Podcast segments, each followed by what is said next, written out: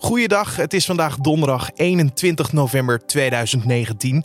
Mijn naam is Carne van der Brink en dit is de Nu.nl Dit Wordt Het Nieuws podcast. Ambassadeur voor de Verenigde Staten bij de Europese Unie, Gordon Sondland, werd woensdag verhoord over de Oekraïne-affaire die speelt rondom president Donald Trump. Het was misschien wel de meest spectaculaire dag tot nu toe in het onderzoek. Maar in de context van dit onderzoek uh, is, is de verklaring van Sondland toch wel de meest schadelijke verklaring die tot nu toe is afgelegd. Matthijs Lelou, redacteur buitenland bij nu.nl hoorde je. Straks praten we verder met hem over dit onderwerp. Maar eerst kijken we naar het belangrijkste nieuws van nu. ABN AMRO heeft tijdens de fusie met Fortis in 2010 nagelaten om alle ruim 5 miljoen particuliere klanten individueel te screenen. Zo schrijft het NRC woensdagavond. De klanten werden zonder onderzoek als betrouwbaar bestempeld en staan nog altijd zo genoteerd. Dat ruim 5 miljoen particulieren in de laagste risicocategorie zijn gezet zonder onderzoek, schaadt ABN AMRO in het strafrechtelijk onderzoek dat tegen de bank loopt. Het Openbaar Ministerie doorloopt momenteel de organisatie omdat er mogelijk gedurende een langere periode ongebruikelijke transacties niet of niet op tijd zijn gemeld. Het NRC schrijft dat deze nalatigheid van de ABN AMRO mogelijk een van de grootste corruptieschandalen wereldwijd in de kaart speelde. Google gaat in navolging van Twitter ook advertenties over politiek inperken. In het Verenigd Koninkrijk gebeurt dat met het oog op de Britse parlementsverkiezing van 12 december in een versneld tempo. Daar moeten posts binnen één week van door Google beheerde sites verwijderd zijn. Binnen de EU wordt de wijziging voor het einde van het jaar doorgevoerd. In de rest van de wereld worden politieke getinte advertenties tot begin januari toegelaten. De verandering treft zowel advertenties die zijn geplaatst op de Google zoekmachine als YouTube. Het bedrijf hoopt door deze maatregel de discussies op het internet te bevorderen. De Roemeense voetbalbond moet zich verantwoorden bij de tuchtcommissie van de UEFA. De aanleiding hiervoor is racistisch gedrag van toeschouwers tijdens de EK-kwalificatiewedstrijd van de Roemenen tegen Zweden van afgelopen vrijdag. De Zweedse aanvaller Alexander Isak was in Boekarest doelwit van de racistische uitingen op de tribunes. De oudspits van Willem II werd in de slotfase van de wedstrijd lastiggevallen door kwetsende spreekoren. De Zweedse aanvaller meldde de kwetsende spreekoren bij de scheidsrechter, die het duel daarop even onderbrak. Na een korte periode ging de wedstrijd verder en uiteindelijk won Zweden de wedstrijd met 0-2 van Roemenië en zijn ze gekwalificeerd voor het EK. Maar je kan zeggen dat deze wedstrijd nog een staartje krijgt. Mensen in de bijstand moeten in elke gemeente verplicht een zogenoemde tegenprestatie gaan leveren. Dat schrijft staatssecretaris Tamara van Ark van Sociale Zaken en Werkgelegenheid woensdag in een brief aan de Tweede Kamer.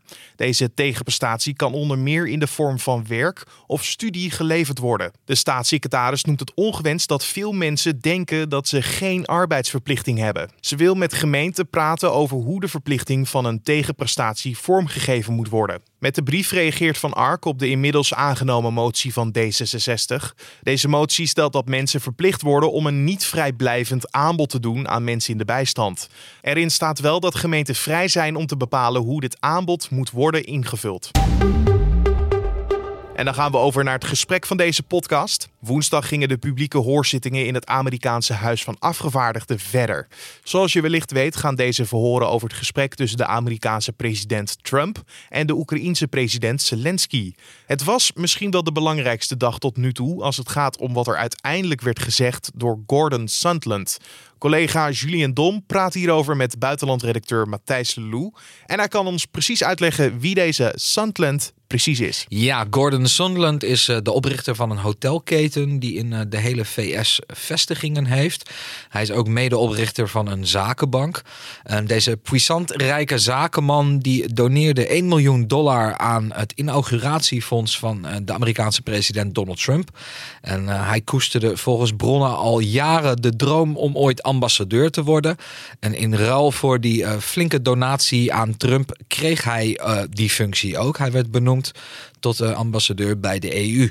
En uiteindelijk mocht hij dan woensdagmiddag, Nederlandse tijd wel te verstaan, voor het comité, uh, voor, de Intelligence Committee komen om te getuigen over deze hele Oekraïne-affaire. En Matthijs, toen wij woensdag al eventjes belden, toen zei jij, hij zingt als een kanarie. Dat klopt. De verklaring die Sunderland gisteren aflegde in het Huis van de Afgevaardigden is uh, zeer pijnlijk voor de Amerikaanse president Donald Trump en zijn verdedigers. Sondland die heeft namelijk. Op welke manier dan? Nou, Sondland die heeft een flink gat uh, in hun verdedigingslinie geschoten op een aantal verschillende vlakken. De Republikeinen, die, uh, om even terug te gaan naar de kern van dit afzettingsonderzoek. Trump die zou volgens de Democraten de Oekraïners onder druk hebben gezet om uh, zijn eigen politieke rivalen, te weten de democratische presidentskandidaat Joe Biden, dienstzoon Hunter en de Democratische Partij, te laten onderzoeken door de Oekraïners. Nou, de Republikeinen die zeggen er was helemaal geen sprake van een quid pro quo. Een uh, voor wat hoort wat is dat in het Latijn. De Democraten die uh, voeren aan uh, op basis van verschillende getuigenissen dat Trump ten eerste zei dat een ontmoeting met de Oekraïense president Volodymyr Zelensky afhankelijk was van een aankondiging van die onderzoeken die Trump wilde door Zelensky. En ook een bedrag van 391 miljoen dollar aan militaire hulp van de VS aan Oekraïne, dat door het Witte Huis werd bevroren, zou afhankelijk zijn gemaakt van die aankondigingen. Nou, de Republikeinen die houden vol dat er geen quid pro quo was. Sondland die zegt dat dat wel degelijk het geval was. En verder uh, trok hij uh, de conclusie dat die 390 miljoen dollar en dat bezoek aan het Witte Huis de voorwaarden voor die uitwisseling van diensten waren, om het maar even zo te noemen. Matthijs, hè, die quid pro quo, als we daar heel even op inzoomen, dat lijkt toch gewoon een vraag van het is zo of het is niet zo. Hoe kunnen ze hier zo lang en zo uitgebreid over discussiëren? Het probleem is een beetje dat de Republikeinen zeggen dat Trump nooit direct heeft gezegd dat hij uit was op zo'n quid pro quo. Uh, het is zelfs zo dat hij op een gegeven moment tijdens een gesprek met uh, Gordon Sondland juist expliciet zei dat hij dat niet was. Wat de Republikeinen daar niet bij vermelden is dat het moment dat dat uh, gesprek plaatsvond, toen was eigenlijk het nieuws over de klokkenluidersklacht over het telefoongesprek tussen Trump en Zelensky, die tot dit afzettingsonderzoek leidde, die was al bekend in het Witte Huis. Dus je zou kunnen zeggen dat het waarschijnlijk is dat de president daar zelf ook al van op de hoogte was. En dat maakt eh, zijn verdediging op dat vlak toch wel een beetje zwakker. Um, de Republikeinen zeggen nog steeds dat Trump niet expliciet heeft gezegd dat hij wilde dat de Oekraïners iets voor hem deden in ruil voor uh, dat bezoek en die militaire hulp. Ja. Maar Sondland die legde voor het eerst een directe link met Trump door te zeggen dat Trump hem opdroeg om samen te werken met uh, de advocaat van Trump, Rudy Giuliani, oud-burgemeester van New York. Die had geen officiële regeringsfunctie, maar werd toch belast met een soort onofficieel Oekraïne-beleid dat vanuit het Witte Huis werd gevoerd. Trump die uh, zei tegen Sondland: ja, als je iets met Oekraïne wil, dan moet je bij Rudy zijn. En uh, daaruit concludeerde Sondland dat Rudy Giuliani uh, in deze kwestie eigenlijk de belangen van de president behartigde en in opdracht van Trump handelt. Voor de Republikeinen zal het moeilijk worden om aan te voeren dat Giuliani op eigen houtje handelde. Begrijp ik dan ook goed dat dit de klapper is waar de Democraten op zaten te wachten? ja en nee. Ten eerste, kijk, het gaat in dit proces niet echt om hoe hard het bewijs is vooralsnog. Uh, impeachment is een, een politiek proces, geen strafrechtelijk proces. Dus uiteindelijk uh, is de vraag vooral of de Republikeinen in de Senaat uiteindelijk zullen besluiten om Trump te laten vallen. Daar zijn vooralsnog uh, geen tekenen van. Maar in de context van dit onderzoek is, is de verklaring van Sondland toch wel de meest schadelijke verklaring die tot nu toe is afgelegd. En Trump, nou, als we even kijken naar de eerder van de week. Dinsdag haalde hij hard uit via Twitter naar uh, getuigen die uh, to, toen hun zegje deden. Gebeurde dat woensdag ook weer bij Sondland? Tot op een zekere hoogte. Er waren vorige week een aantal getuigen, begin deze week een aantal getuigen die door Trump harder werden aangevallen dan Sondland. De president die heeft duidelijk van zijn adviseurs gekregen dat hij zich beter een klein beetje koest kan houden, melden Amerikaanse media op basis van bronnen uit het Witte Huis. Uh, Trump die uh, zei wel tegen journalisten op het gazon van het Witte Huis dat hij Sondland amper kent. En hij verwees naar dat gesprek waar we het net al over hadden, waarin hij Sondland expliciet vertelde dat hij niet op een quid pro quo uit was. Nou, die, die bewering dat hij Sondland amper kende Het is net even de vraag hoeveel geloofwaardigheid je daaraan uh, moet hechten. Hij heeft Sondland immers benoemd tot een belangrijke ambassadeurspost. Sondland is een, een grote donor van Trump geweest. 1 miljoen dollar, dat is niet niks. En hij heeft Sondland zeker een keer of twintig persoonlijk ontmoet. Nou, dat ook nog. Uh, het, het, is, het is nogal wat daar. Wij praten hier nu uitgebreid over, uh, Matthijs. Het werd in Amerika dus ook uh, uitgezonden al dagenlang op televisie. Hoe populair, als dit het goede woord is, zijn die openbare hoorzittingen bij het publiek? Weet je daar iets over? Daar, uh, het zal even duren voordat we daar echt wat over kunnen zeggen. Maar er is vandaag wel een peiling verschenen van uh, de openbare zender NPR en een universiteit in de VS. En uit die peiling ja, de respondenten in die peiling, zo'n zo'n 65% zegt dat er tijdens die hoorzittingen niks kan gebeuren of gezegd kan worden wat hun standpunt over de afzetting van Donald Trump zal veranderen. Ongeveer de helft van de Amerikanen is van mening dat dat afzettingsproces, uh, dat, dat, dat daar goede redenen voor zijn. Uh, ongeveer de helft vindt dat Trump uiteindelijk ook moet worden afgezet. En de andere helft die vindt dat niet. En, en voorlopig lijken uh, de Amerikanen toch nog wel redelijk vast te zitten in, in hun eigen gelijk. Oftewel, die verdeeldheid is nog altijd enorm daar aan de overkant van de oceaan. Zeker. En uh, zolang daar geen verandering in komt. Kijk, er is nou uiteindelijk een tweederde meerderheid in de Senaat nodig om uh, Trump af te zetten.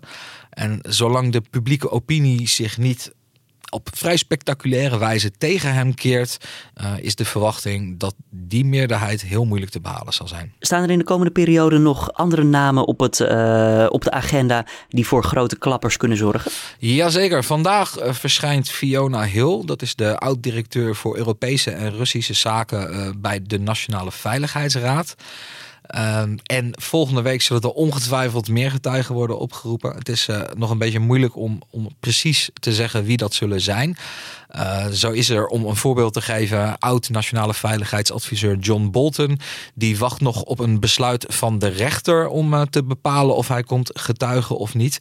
Dus er zijn nog een aantal getuigen die de Democraten maar wat graag zouden willen spreken. Maar waarvan het nog even de vraag is of ze ook daadwerkelijk zullen verschijnen. Buitenlandredacteur Matthijs Lelou was dat. Vandaag zal Matthijs wederom het liveblog van nu.nl bemannen. Heb je vragen over het onderzoek? Stuur deze dan naar redactie.nu.nl, zodat Matthijs ze kan beantwoorden voor je in het liveblog. En naast Sunderland werd ook assistent-secretaris Laura Cooper van het Amerikaanse ministerie van Defensie gehoord. Zij zegt dat Oekraïne op dezelfde dag als het omstreden telefoongesprek tussen Trump en Zelensky al in de gaten hadden dat financiële hulp, zo'n 350 miljoen euro, vanuit de VS niet op tijd was overhandigd. Door haar verklaring wordt een theorie van de Republikeinen die Trump steunen teniet gedaan. Zij gingen ervan uit dat Oekraïne nooit onder druk gezet kon worden, omdat Oekraïense diplomaten niet op de hoogte waren van het verlaten financiële pakket. Maar volgens Cooper is er echter op 25 juli naar haar kantoor gebeld en gemaild door medewerkers van de Oekraïense ambassade, die zich afvroegen waar de steun bleef. Dat zou enkele uren na het gesprek tussen Zelensky en Trump zijn gebeurd. En dan kijken we nog even wat er verder op de agenda voor vandaag staat. Colombiaanse vakbonden en partijen demonstreren vandaag tegen de regering. De demonstranten zijn ontevreden over de economie en over de stijgende kosten van het levensonderhoud. De afgelopen weken waren er meerdere protesten in Zuid-Amerika. Zo gingen in Chili en Bolivia al mensen de straat op. Dan nog even het weer. In het noorden van het land hebben mensen waarschijnlijk veel last van dichte mist. In het zuiden komen opklaringen voor en daar vriest het enkele graden. En de temperatuur zal vandaag schommelen tussen de 2 en 6 graden. En dan gaan we over naar Zeeland, want daar gaan ze binnenkort een stap in de toekomst zetten. Want de eerste Nederlandse proef met zelfrijdende trucks op de openbare weg gaat daar waarschijnlijk binnen een paar maanden van start. Dat schrijft Omroep Zeeland woensdag. Het samenwerkingsverband Zeeland Connect heeft de gevraagde Europese subsidie ontvangen en heeft de financiën daarmee zo goed als rond. De test moet drie jaar gaan duren en het subsidiegeld dekt de helft van de kosten. Zeeland Connect en de deelnemende bedrijven nemen de andere helft voor hun rekening en het project kost in totaal 3 miljoen euro. De zelfrijdende trucks zullen geen chauffeursplek of stuur meer hebben en dat is anders dan gangbaar is bij bijvoorbeeld tests met zelfrijdende auto's. Er worden ook nog op het testtraject in Vlissingen speciale sensoren aangebracht om de navigatie van de trucks te verbeteren. Helemaal nieuw is dit niet in Nederland, want in Rotterdam wordt voor het vervoer van containers al enige tijd met zelfrijdende voertuigen gewerkt. Die bevinden zich echter niet op de openbare weg. En dit was dan de Dit wordt het nieuws podcast voor deze donderdag 21 november. Je kan ons helpen deze podcast beter te maken met een mailtje naar podcast@nu.nl of een recensie achter te laten in iTunes. Deze podcast vind je elke maandag tot en met vrijdag om 6 uur ochtends op de voorpagina van nu.nl en in je favoriete podcast app. Mijn naam is Carne van der Brink. Ik wens je een hele fijne donderdag en hopelijk tot morgen.